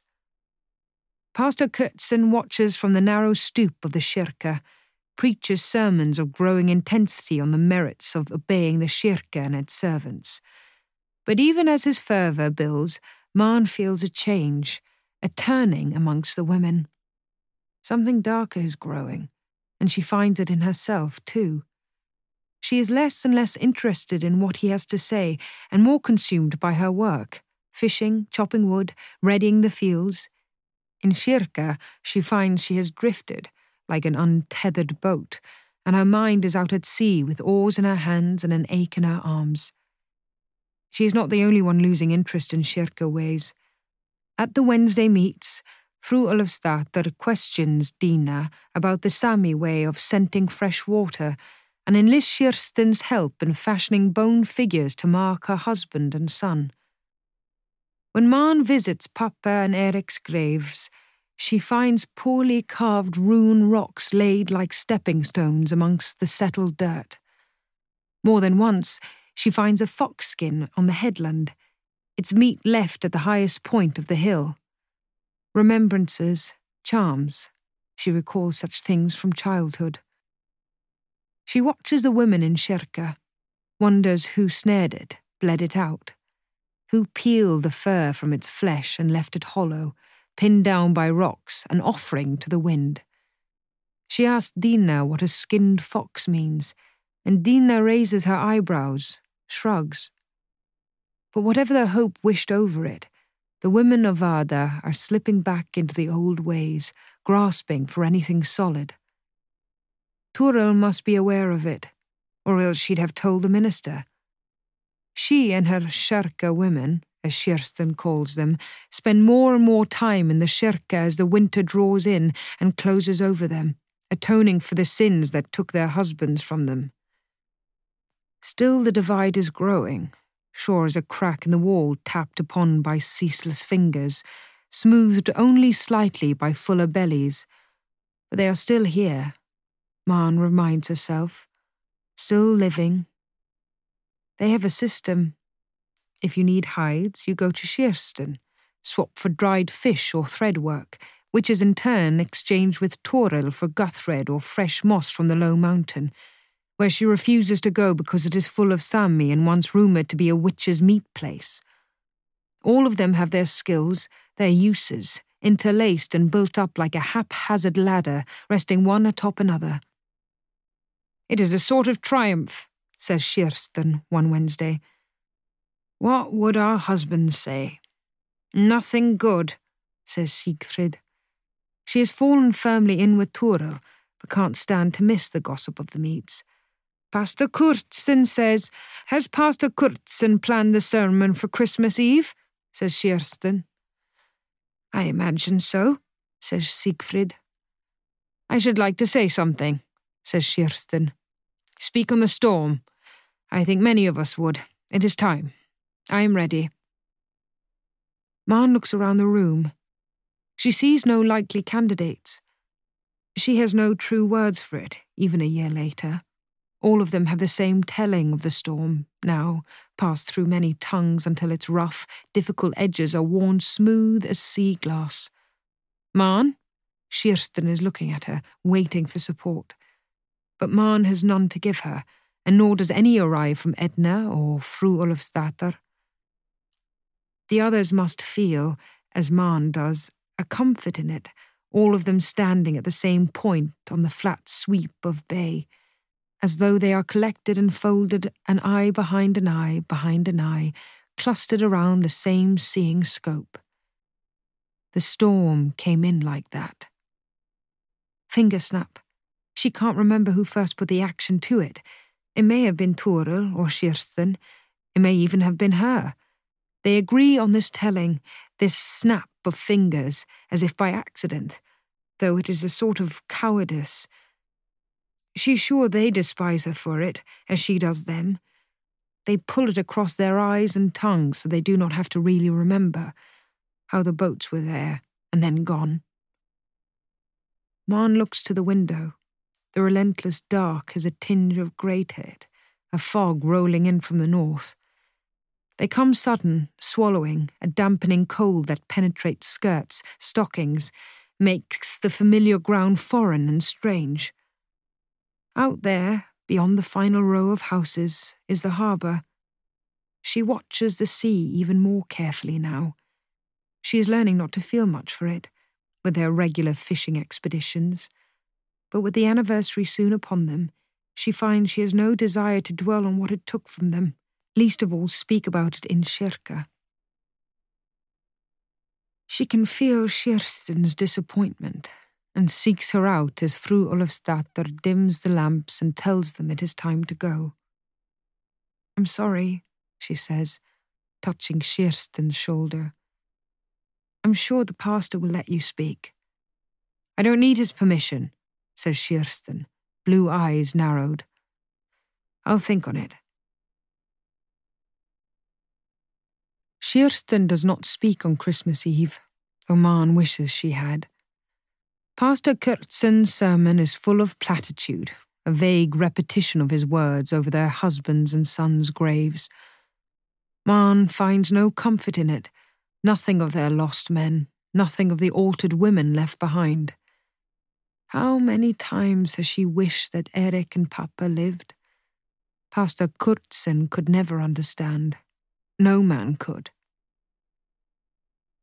As she watches him bend to the shelf below his pulpit and bring out a letter bearing a seal and tassel, Maren realizes she hates him a little, his weakness, his power over them, his constant talk of the mercies of God when it is obvious to her that they do not extend so far north. Is his eye upon her, inside her head, as she thinks these things? She holds her breath and gropes inside her mind, as though she could feel God there. This arrived yesterday, says their minister, unfolding the letter. The seal is so heavy it bends the parchment almost in half, and Pastor Kurtsson must hold it out before him so it blocks him from view. Our lensmann is soon to take his seat at Vardøhus, from which he will govern all of Finnmark. Toril shifts in her seat looks about the room as if to ensure they note it was she who first brought them the news. And in addition, you, continues Pastor Kurtsson, which is to say, we are to have a commissioner live amongst us. He will be appointed by the lensmann to oversee the town more closely. But Pastor Kurtsson, says Kirsten, is that not what our minister, your good self, is for? It is true that he might assist in spiritual matters, says Pastor Kurtsson, frowning at the interruption, but I remain your minister. Praise be, says Kirsten, too brightly for the minister to do much but look dour. When the letter is folded and the Kirke women kneel to heap prayers upon prayers, Kirsten and Maren linger outside it is so dark they must stand very close to one another, like animals pushing their bodies together for warmth. Kirsten's eyes are hooded. A commissioner, she says, but no mention of his commission. Perhaps he will be like a governor, as Alta has, offers Maren. In so small a place, says Kirsten. Alta has a great many more people. What need have we of an overseer, especially if Lensmann Cunningham will soon be at his fortress?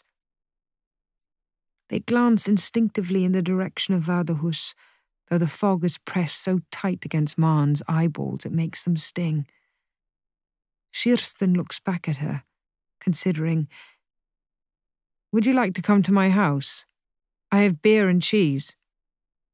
Maren would like very much to see what Kirsten has made of Mads Petersson's house. She has often wondered how Kirsten copes there without farm hands, and she would like to see the reindeer. But Mamma will be at home and weeping over Papa, and so she shakes her head. Thank you, but I must go. Kirsten nods. To be told of the Commissioner on this day. Is it significant? Maren blinks at her, surprised. I did not take you for superstitious. I only wonder what it is the beginning of. Perhaps it is an end, says Maren, unsettled by her tone. A closing of a circle. Circles have no end, says Kirsten, and straightens suddenly. I'll see you tomorrow.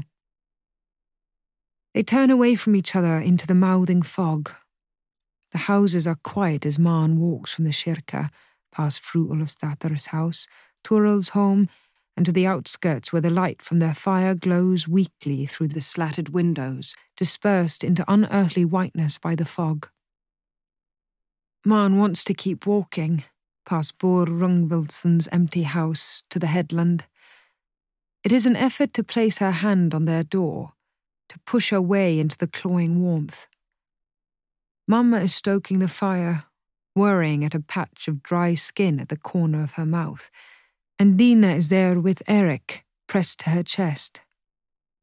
I told her, says Mamma, without looking up, about the commissioner. What do you think? says Maren. Not much. Dina is rubbing at Erik's gums with clove paste. Drool comes in great strings from his mouth, red in the firelight. Maren wants to shake her. She misses the way they used to talk. She thought Erik's birth would draw Dina out of her husband's death, but she is more silent than ever. At least it will be someone new, she offers, another pair of hands. Mamma's tongue flicks at her cracked lip and they fall into the silence that marks their evenings and speak no more of the Commissioner. They imagine he will be like their minister, have as little impact as snow falling in the sea. They imagine that their lives will go on and that the worst is behind them. They imagine all sorts of silly, inconsequential things, and every bit of it is wrong. 15th of January, 1619. To the esteemed Commissioner of Vardøhus, Mr. Cornet. New Year greetings to you. I thank you for your letter of the 19th of October. I am greatly encouraged that it reached me with such pace. One never knows how the ships will go. It is with gladness I read of your acceptance, and urge you not to tarry. I will inform King Christian of your agreement. I have his ear, and you can be sure your name will be poured into it. The Minister of Vardø has already been notified and will make ready for your arrival. Great things await you here, and I hope we can grow the Lord's estimation of us Scotsmen even further. I enclose with this letter your passage to Bergen, where you can proceed through Trondheim and on to Vardø. I trust you will not find the journey too arduous. Your idea of a Norwegian wife is a good one, though I should not wait to come so far north. Bergen will have its spread of good young women desirous of a husband of such standing. Use your title and the sum enclosed to bring someone to keep your bed warm. Perhaps someone who can sing. We will be in need of entertainment. My regards to Coltart, who I had not known reads your letters. There will be none of that here. Come safely and swiftly. Hans Køning, Lensmann over Vardøhus County. Bergen, Hordaland, southwestern Norway, 1619. Chapter 7 Siv has lit the fires in the drawing room and hung the best curtains, so Ursa knows there has either been a death or there is to be a marriage. Or maybe a lord to come to our house, says Agneta when Ursa has returned with a final warm jug of water and the information. Or an actress. Agneta has recently learned of actresses, their father having organised passage for a theatre troupe travelling to Edinburgh on one of his remaining ships. Then it will be a dead lord, or a lord come to marry one of us, Ursa says, pouring the jug into the tub. Same goes for the actress, only she will be here for father, Agneta laughs and then winces. Ursa can hear the draw of fluid rattling across her lungs. Hush, I should not have excited you. She helps Agneta pull herself up on her pillows. Her leg drags, and Ursa smooths the sheets. Siv will not forgive me. Here. She places her hand on Agneta's thin front, leans her forwards over the enamel bowl. Beneath her palms, her sister's lungs rattle as she spits. Ursa covers it over without looking as Siv tells her to do. She knows what colour it will be from the thick breathing that came against her ear all night. When Agneta is done, she helps her from her nightdress. It smells of sour sweat and sickness, so common to Agneta that Ursa barely notices it other than when the clean, bright smell of lavender scented water is in the air. She helps Agneta into the tub, half lifting her bad leg over the edge, specially scooped for this purpose. Her sister is still child thin, child straight at the waist and hips, though Ursa was nearly full figured by thirteen. The doctors, who come monthly, measure her each time, but none see her naked as Ursa does the sharp planes of her body hollowed, her bad leg shriveled off as old fruit.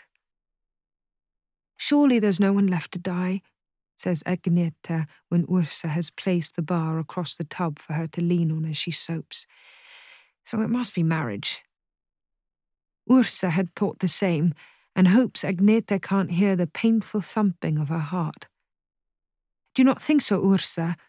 Father has found someone for you to marry. Her voice is bright and hollow as a bell. Though there are seven years between them, Ursa often thinks that Agneta feels what she feels, as they say twins do.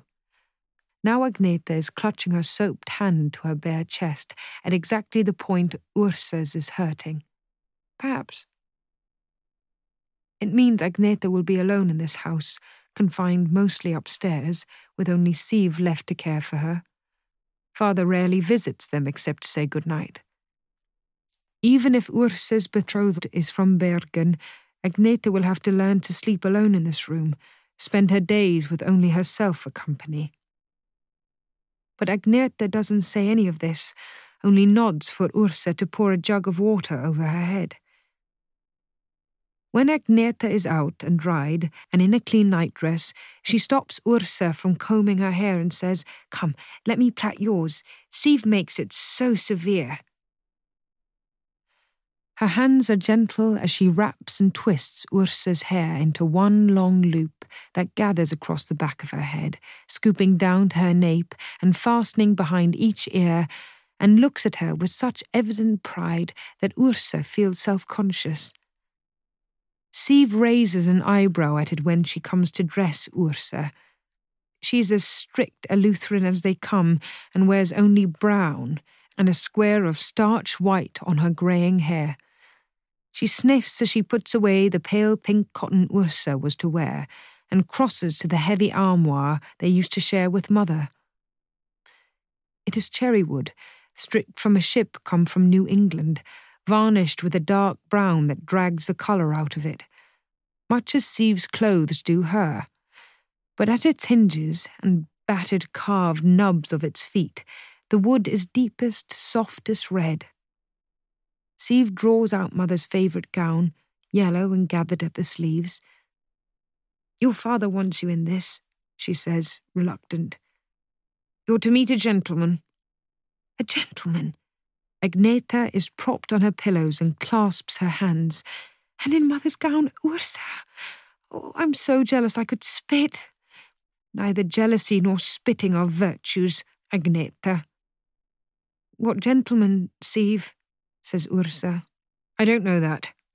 Only that he's a good Christian. Your father saw fit to tell me that. He's no papist. Agneta rolls her eyes as Siv turns to unhook the buttons from her loops of silk. Did you find out anything important, Siv? I can't think of much more important than that. Oh, but is he tall or rich or have a beard? Siv purses her lips.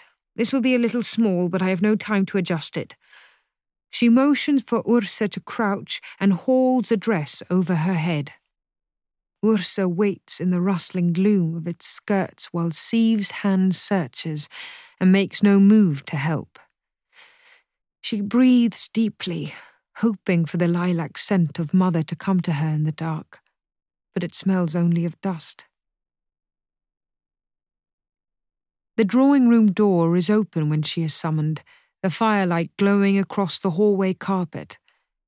They heard him arrive, rushed to the window to spy a wide brimmed black hat standing beneath the window sill, removed just in time for the door to be opened and the head disappear into shadows. Agnete squeezes Ursa's hands. Remember everything. The banister is very smooth and throws up the scent of beeswax Siv had not buffed off fully. She hopes they will not have to touch. Of course they will not. But all the same, she imagines him reaching for her hand and sliding right off, greasy with wax. He has no face, and she realizes he soon will, and a body, a voice, and a smell. It is her first time meeting a suitor, and she wishes father had come to tell her something of him, or how he met him, or even if he is someone she knows. Herr Kaspersson, perhaps, father's clerk, with his rosy cheeks and shy smile. He is twenty five, only five years older than Ursa. She thinks she could like a man like him, though he has a strange habit of rubbing his lip with his thumb, which makes him look shifty. She could ask him to stop that if they were married. He seems the sort of man who would listen. The patched step creaks. She looks up to where their bedroom door stands ajar imagines Agnete listening for her, holding her breath. Ursa lit as many candles as she could before she came down, but still Agnete had been swallowed by shadow. It has been a long winter, stretching out over spring and freezing the windows closed. But then, this house is always dark at its edges, even in summer, even with all the drapes thrown back and the light so bright it makes Ursa sneeze. She may never spend another season in this house. Would she miss it, or only the people inside? She turns from the staircase and rolls her shoulders back. Walking feels strange in her narrow silk slippers, with the weight of mother's dress slipping close to her shoulders. Deep voices flicker with the firelight. It isn't Herr Kaspersson's voice that answers father's, or anyone's voice she knows. It isn't, she notes as she readies herself to enter, even Norwegian. English, she thinks, dredges it up from the small, painful place where she keeps all her memories of her mother. Her mother couldn't read or write, but being the daughter of a merchant, she learned English well enough and brought Ursa and Agnete up with it too. They used to speak it around the dinner table, practicing their accents until they were smooth and only slightly inflected. Ursa clucks her tongue once, twice, and then steps across the threshold. He is as tall as father and broader than any man she knows. He bows as father places a firm hand at her back and sweeps her forward into the room, so even as she sits, she has not seen his face. The men have been sitting beside one another in the crimson flocked chairs with the carved arms, and she is left to settle opposite them on the armless chair, careful to keep her back straight, hands folded in her lap. Ursula, after the saint, I presume? His accent means she has to listen carefully to understand each word, though he doesn't speak fast. If anything, he speaks too slowly, and it distorts the words.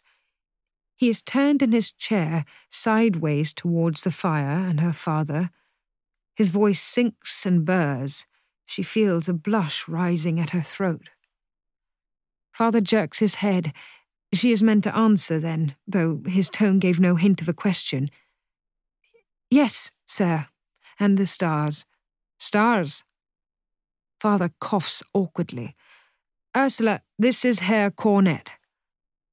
Commissioner Cornet, corrects the man. Absalom, it takes a moment to comprehend that this must be his given name, because he says it like a hallelujah or an amen. She looks up more boldly. He is tall, dark eyed. She can't place him in age, not so young as Herr Kaspersson, not nearly so old as father. He is handsome, in his way.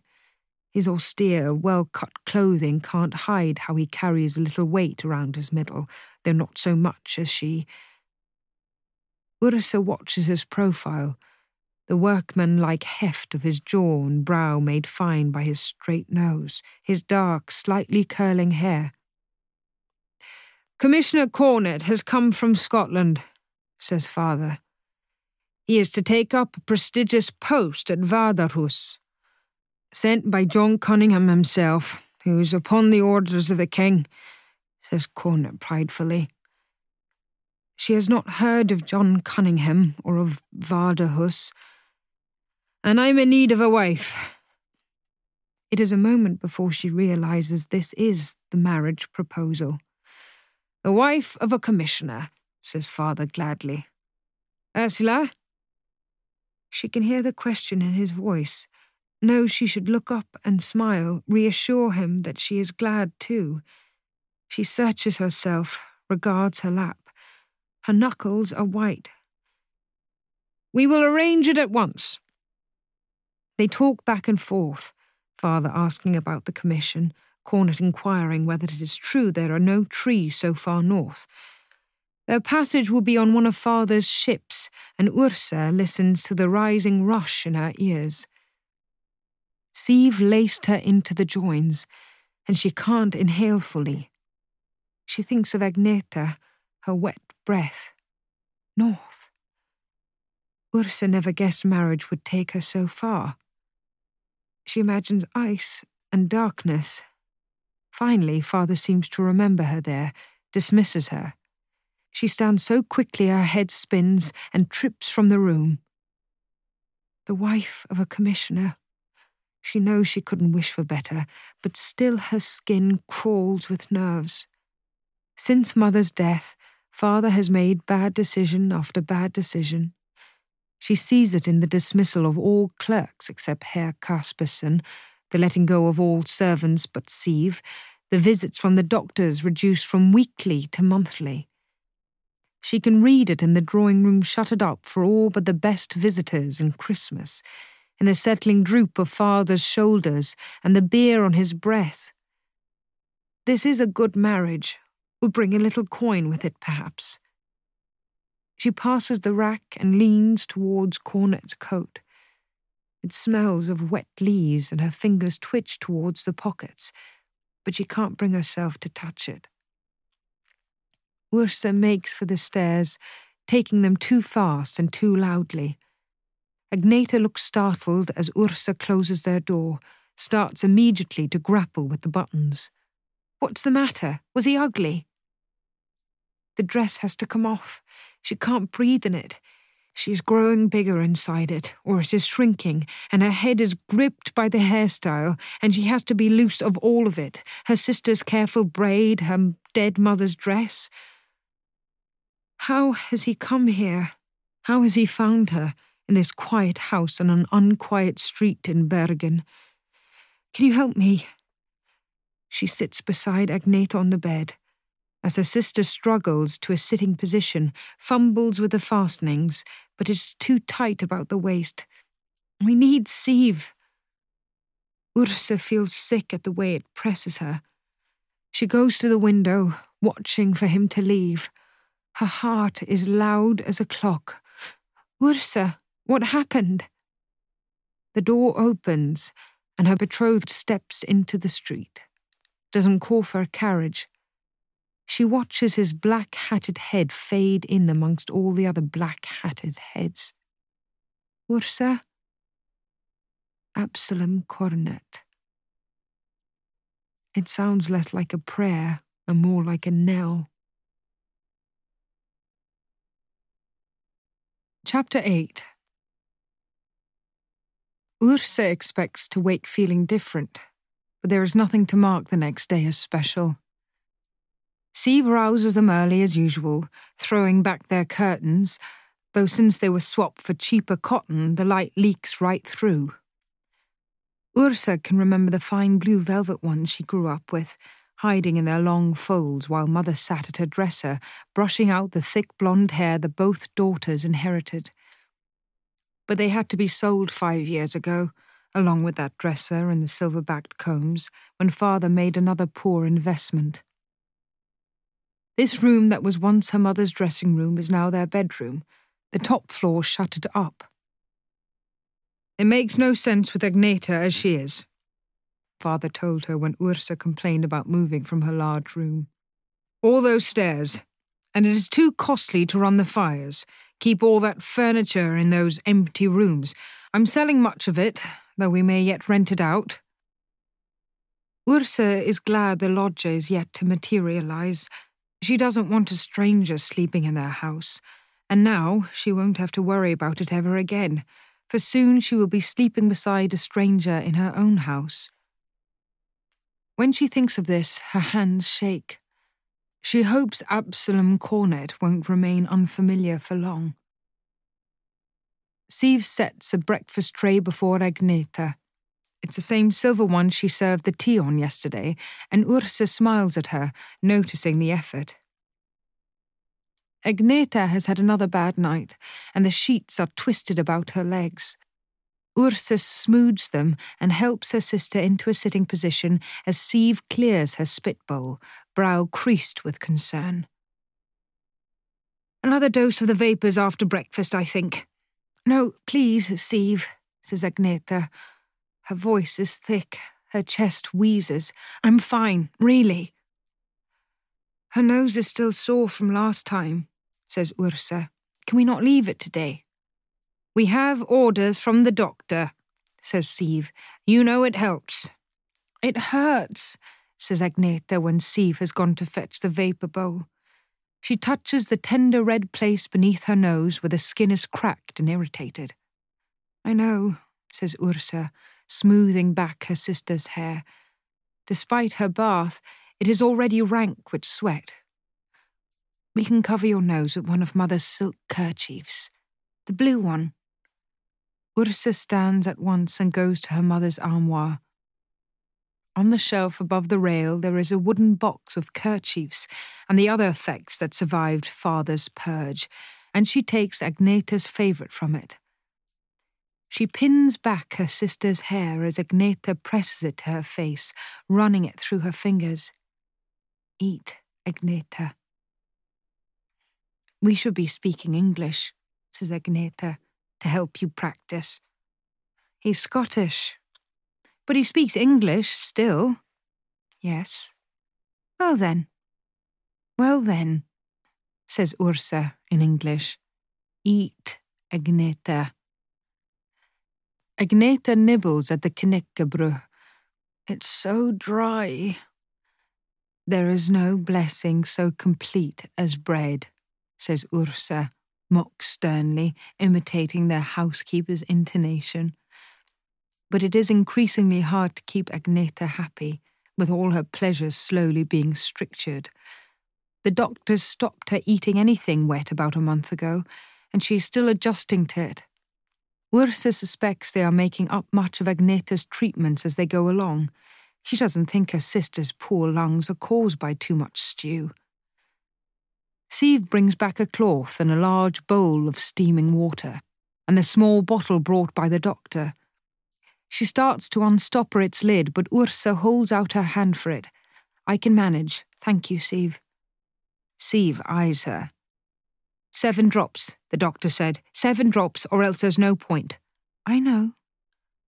The housekeeper puts the bottle into her outstretched palm presses a brisk kiss to Agneta's forehead, and leaves the room.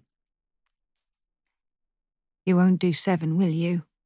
One is fine, says Agneta, peering anxiously at her. Ursa shakes four drops of oil into the bowl, swirls it so the yellowness spreads about on the water. The smell hits her nostrils and makes her eyes sting. She sets the bowl on the table beside Agneta helps her sit up so she can lean over the steam, kerchief clutched tight to her nose. She places one hand at her sister's forehead to support her and brings a cloth over her head to trap the vapours. Breathe deep.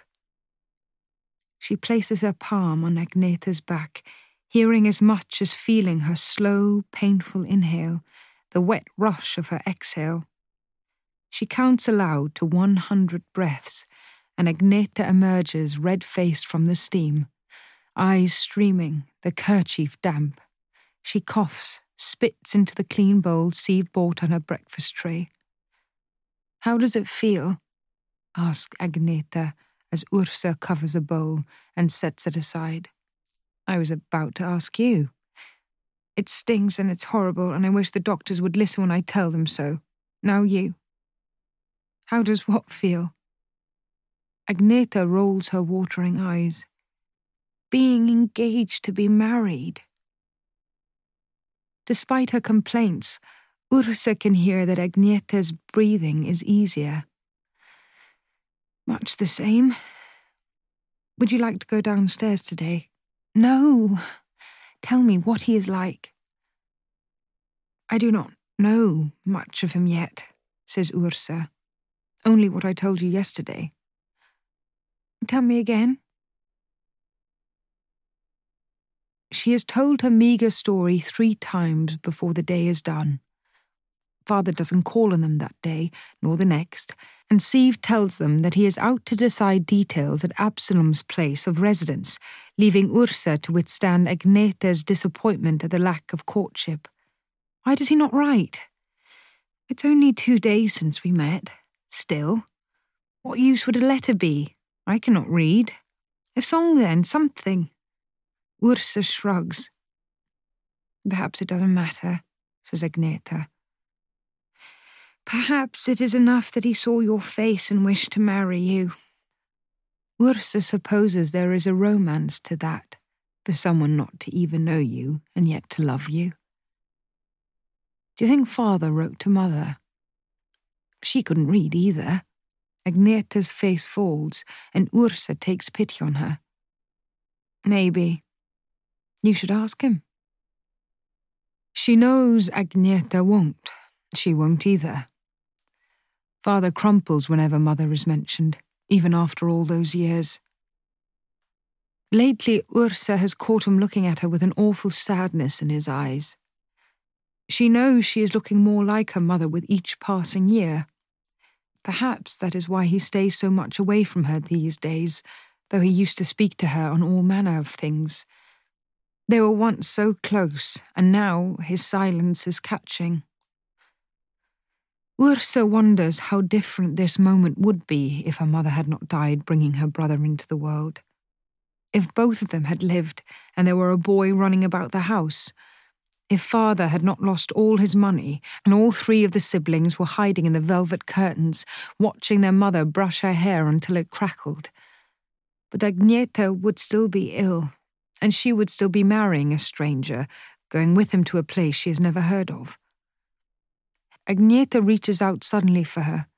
You will miss me. Ursa wants to tell her yes. She wants to tell her sister she is as air to her, that she couldn't have a better friend in the world.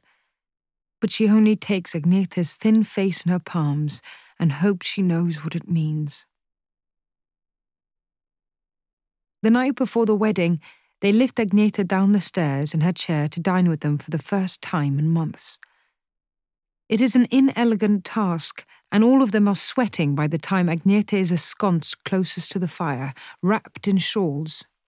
Siv watches her, poised, as though she may keel over like an upturned boat at any moment.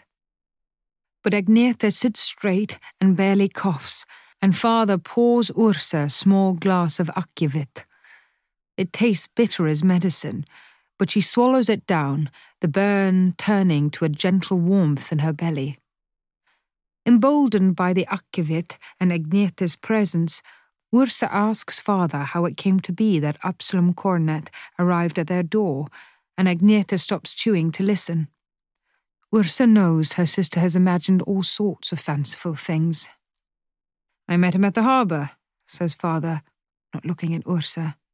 He approached me, admired my cross.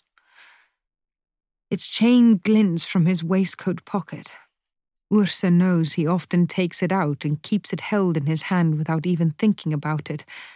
Piousness as a tic. He told me of his posting to Vardø, his calling from God to serve there. I thought the lensmann had called him, says Ursa and winks at Agneta. But father does not catch the tone, pours another akevitt. The lensmann is beneath the king, and the king beneath God. Your husband must be verily crushed, says Agneta, winking back. Ursa clasps her sister's hand beneath the table. It is so soft she wants to bring it to her cheek, to kiss it and not let go. He was in need of a ship and a bride, in that order, whispers Ursa, and Agneta snorts so suddenly she begins to cough again. Siv rushes forward with her spit bowl, and Ursa tightens her grip on her hand until the worst is past. Father drains his akevitt, speaks more to himself than to his daughters. I gave him a good price for his passage. And for me, Ursa thinks.